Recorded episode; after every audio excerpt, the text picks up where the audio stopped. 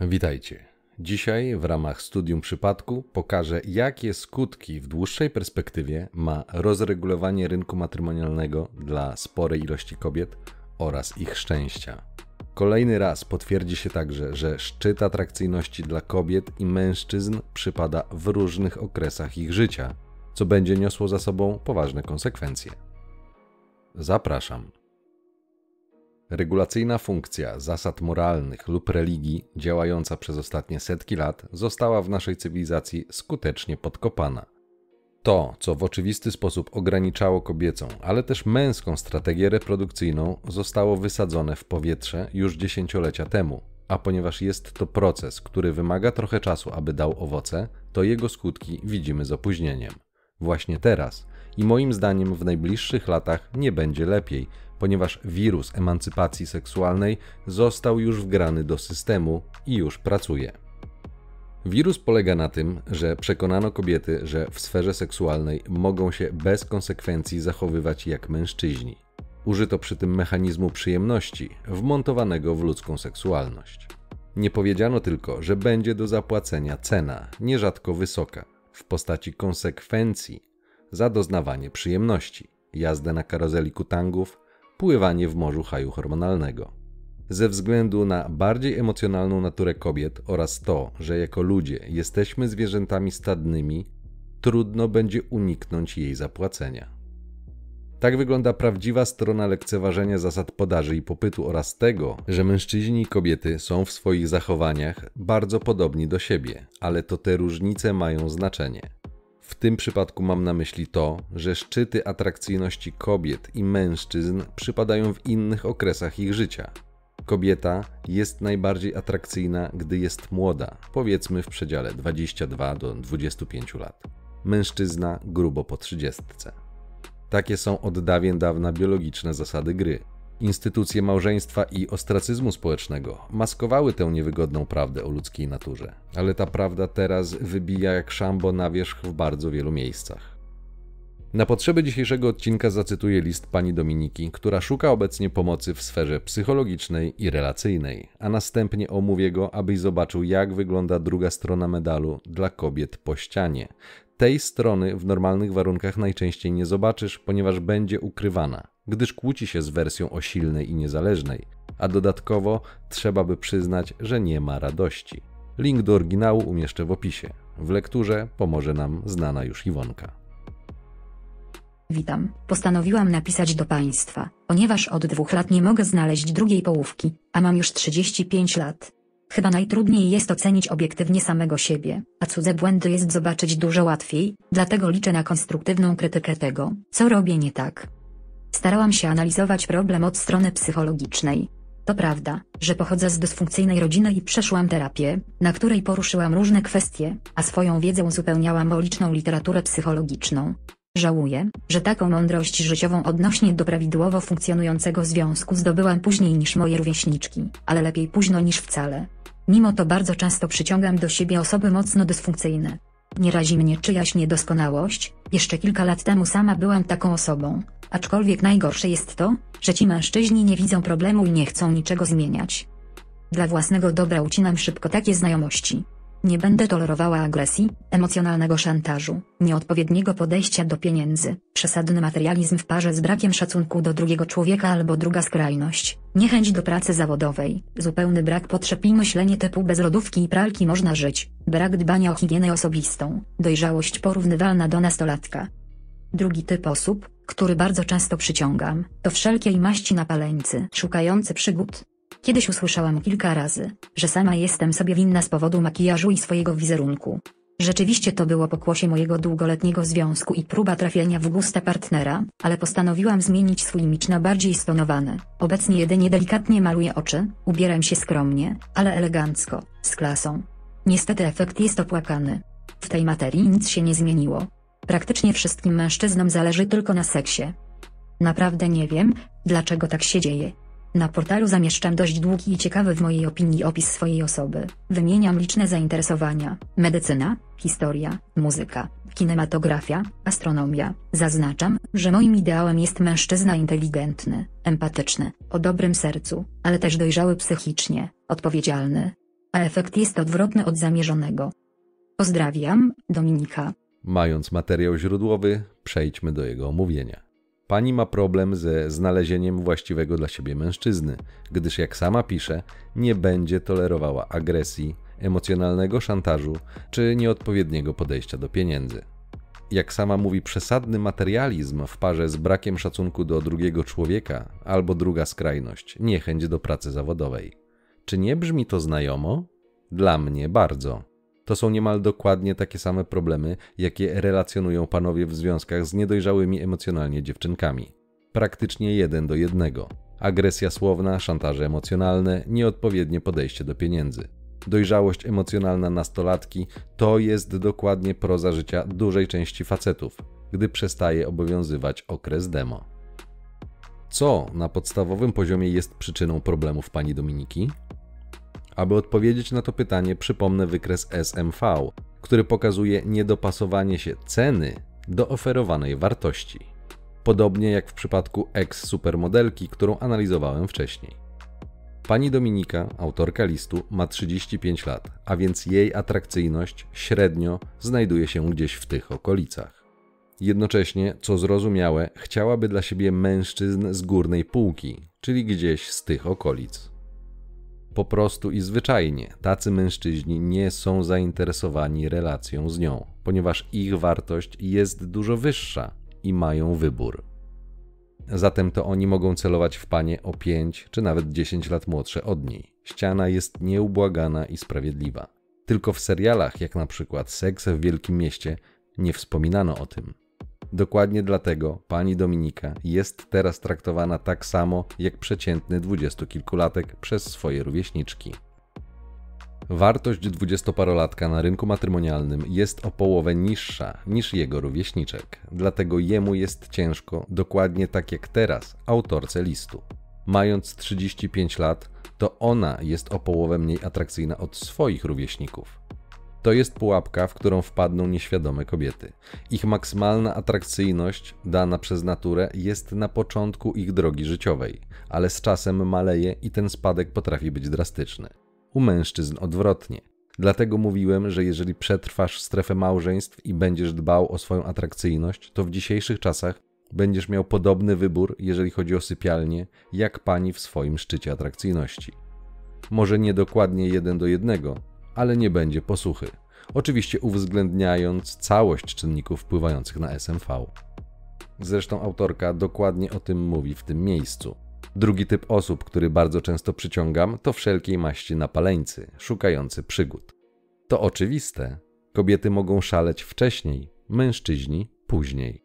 Dlaczego tak się dzieje? Ponieważ smutna prawda jest taka, że już mało który świadomy facet, jej rówieśnik, będzie rozważał taką panią do stałej relacji i założenia rodziny, której owocem ma być dziecko. Popatrzmy na sprawę pragmatycznie. Pani ma 35 lat. Zanim w ogóle znajdzie się ktoś, kto będzie chciał ją włączyć do swojego stada w sposób trwały, minie trochę czasu. Może nawet kilka lat, a każdy rok gra na jej niekorzyść. Załóżmy jednak, że znajdzie się jakiś śmiałek. Jeżeli będzie myślący, to najpierw podda panią co najmniej kilkukwartalnej, a może i kilkuletniej próbie, ponieważ wie, że kilkumiesięczny okres demo może być mylący. Przecież on też chce dokonać jak najlepszego dla siebie wyboru, dlatego będzie testował. Załóżmy, że cały powyższy proces potrwa 4 lata. Jaki jest sens robienia dziecka z prawie 40-letnią kobietą, jeżeli można poszukać młodszej, na przykład 30? Oczywiście przy założeniu, że reprezentuje się sobą jakąś wartość poszukiwaną przez panie. Ano nie ma sensu, i tutaj jest najważniejszy problem, z jakim musi zmierzyć się pani Dominika. Uderzyła w ścianę i jej atrakcyjność nie jest już taka sama, jak gdy miała 25 lat i to ona mogła przebierać w atrakcyjnych mężczyznach. Wtedy mogła związać się z o 5 czy 10 lat starszym i poukładanym facetem, ale z jakiegoś powodu tego nie zrobiła. Prawdopodobnie chciała mieć wszystko. Dokładnie tak, jak opisywała to pani Olfaktoria w odcinku o hipergamii. Jednak teraz, patrząc realnie, do związku będą się nią interesowali mężczyźni 45, 50, a nawet 55-letni, ponieważ jej SMV tylko na to pozwala. Oczywiście znajdą się nieznający zasad gry biali rycerze, którzy będą chcieli ratować Milady, ale ona ich nie zechce, bo są nudni, bo nie budzą deszczyka emocji, do jakich po latach karuzeli przywykła. Panowie, do jakich przywykła i jacy ją pociągają, potraktują ją dokładnie tak samo, jak atrakcyjne młode kobiety traktowały swoich rówieśników. Albo wcale nie zwrócą na nią uwagi, bo mogą, bo mają wybór, albo zrobią z niej swoją orbiterkę, która w nadziei na bliższą relację będzie spełniała ich sypialniane zachcianki. Jak sama pisze, głównie przygodne. To klasyczny schemat. Gdy pani bawiła się, smakowała życia, to nie było problemu, ale teraz, gdy turnus mija, a ona niczyja, to strach przed samotnością zagląda jej w oczy. Nawet, za co jej chwała, wybrała się na terapię. Cóż, jak sama pisze, lepiej późno niż wcale. Ale to już nie zwróci jej lat, a największa atrakcyjność przeminęła. Takie panie posmakują tego, co kiedyś same robiły, czym krzywdziły dobrych facetów, ale wtedy im to nie przeszkadzało. To efekt rozregulowania rynku. Teraz oni zachowują się tak samo jak one w swoim prime time i to już się paniom nie podoba. Kobiety, które to robiły, korzystały ze swojej przewagi i robiły to, bo mogły. I to był objaw ich siły, niezależności i szukania kierunku. Ale tak samo postępujący panowie będą już shamingowani i nazywani toksycznymi. Od takie równouprawnienie. Wychodzą podwójne standardy, dlatego warto, abyś miał tego świadomość. Musisz wiedzieć, w jaką grę grasz i jakie są konsekwencje złych wyborów pań, gdyż to też jest element gry. W tym konkretnym przypadku jej siła i niezależność uleciała wraz z atrakcyjnością i mijającym nieubłaganie czasem. Mówię to po to, abyś nie dał się oszukać. Tak wyglądają prawdziwe biologiczne zasady gry i nawet kiedy do końca przepracuje swoje dysfunkcyjne wzorce z dzieciństwa, to najlepszy czas już minął i będzie miała ogromne trudności z założeniem rodziny i stabilnego związku ze swoim rówieśnikiem, gdyż on będzie po prostu szukał młodszej. Takie bardziej mu się podobają. Czterdziestka to nie jest nowa dwudziestka, bez względu jak często będzie to sugerowane w mainstreamie. Idąc dalej, kiedyś malowała się i miała wizerunek, jak sama przyznaje, chociaż nie wprost, bardziej krzykliwy i wyzywający. Teraz zmieniła go na stonowany, delikatny i skromny, ale efekt jest opłakany. Atrakcyjni w jej mniemaniu mężczyźni w relacyjnym kontekście nie zwracają na nią uwagi. Do sypialni tak, do związku już nie. Oszukano ją i właśnie staje w prawdzie. Przychodzi przebudzenie. Autentycznie współczuje jej nieprzyjemności związanej z dysonansem poznawczym, kiedy prawdziwie dotrze do niej informacja, że jej najlepsze z punktu widzenia atrakcyjności lata są już za nią i nic nie może na to poradzić. Akceptacja tej rzeczywistości i przeciwdziałający temu mechanizm wyparcia będzie wielkim wyzwaniem dla autorki listu. Nie znając zasad gry i w pogoni za obiecanymi przyjemnościami, rozmieniła na drobne swój największy na rynku matrymonialnym kapitał, czyli młodość i płodność. Wcześniej 10, może 13 lat uniesień, a teraz przed nią średnio 47 lat bolesnej emocjonalnie samotności. Teraz już przygodne sypialnie z doskoku nie poprawią jej samopoczucia, co bez dwóch zdań odbije się również na poczuciu jej wartości. To jest konsekwencja oszukania pań jako proletariatu zastępczego, wizją życia bez konsekwencji i puszczania ich hipergamicznej natury w samopas. Myślę, że gdyby otwarcie informowano panie, że za ich wyborami kryją się takie dające się przewidzieć konsekwencje, jakaś część wzięłaby to pod uwagę i dokonała lepszych dla siebie długoterminowych wyborów. Oczywiście za cenę poświęcenia części natychmiastowej przyjemności wynikającej z haju hormonalnego, tak często mylonego z miłością. Ale nie mówi się o tym głośno, więc jest jak jest. Złoty interes mają i będą mieli terapeuci, psychologowie i wszyscy inni eksperci relacyjni.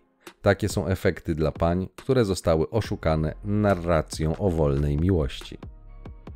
Na koniec listu pani wskazuje, iż na portalu, jak rozumiem randkowym, zamieszcza swoje opisy, gdzie eksponuje bogate zainteresowania i pasje, a efekt jest odwrotny do zamierzonego. To jasno pokazuje, że pani absolutnie nie zdaje sobie sprawy z tego, że na tym etapie jej życia, jakkolwiek brutalnie to nie zabrzmi, to nie są cechy, które interesują mężczyzn i których oni poszukują. Wspomniałem kiedyś, że mężczyźni są prości w obsłudze i poziom IQ, czy liczba dyplomów, nie jest, przynajmniej na początku znajomości, tym, co przyciąga uwagę facetów, szczególnie gdy oni są w swoim najlepszym momencie. To pokazuje również, że szczypta redpilowej wiedzy przydałaby się kobietom, aby nie zmarnowały swojego życia. Bo jak się okazuje, postawa rób ta co chce ta przestaje być dobra, gdy trzeba stanąć przed nieubłaganymi konsekwencjami swoich czynów. Przed czym do pewnego stopnia kiedyś chroniła je regulacja rynku matrymonialnego.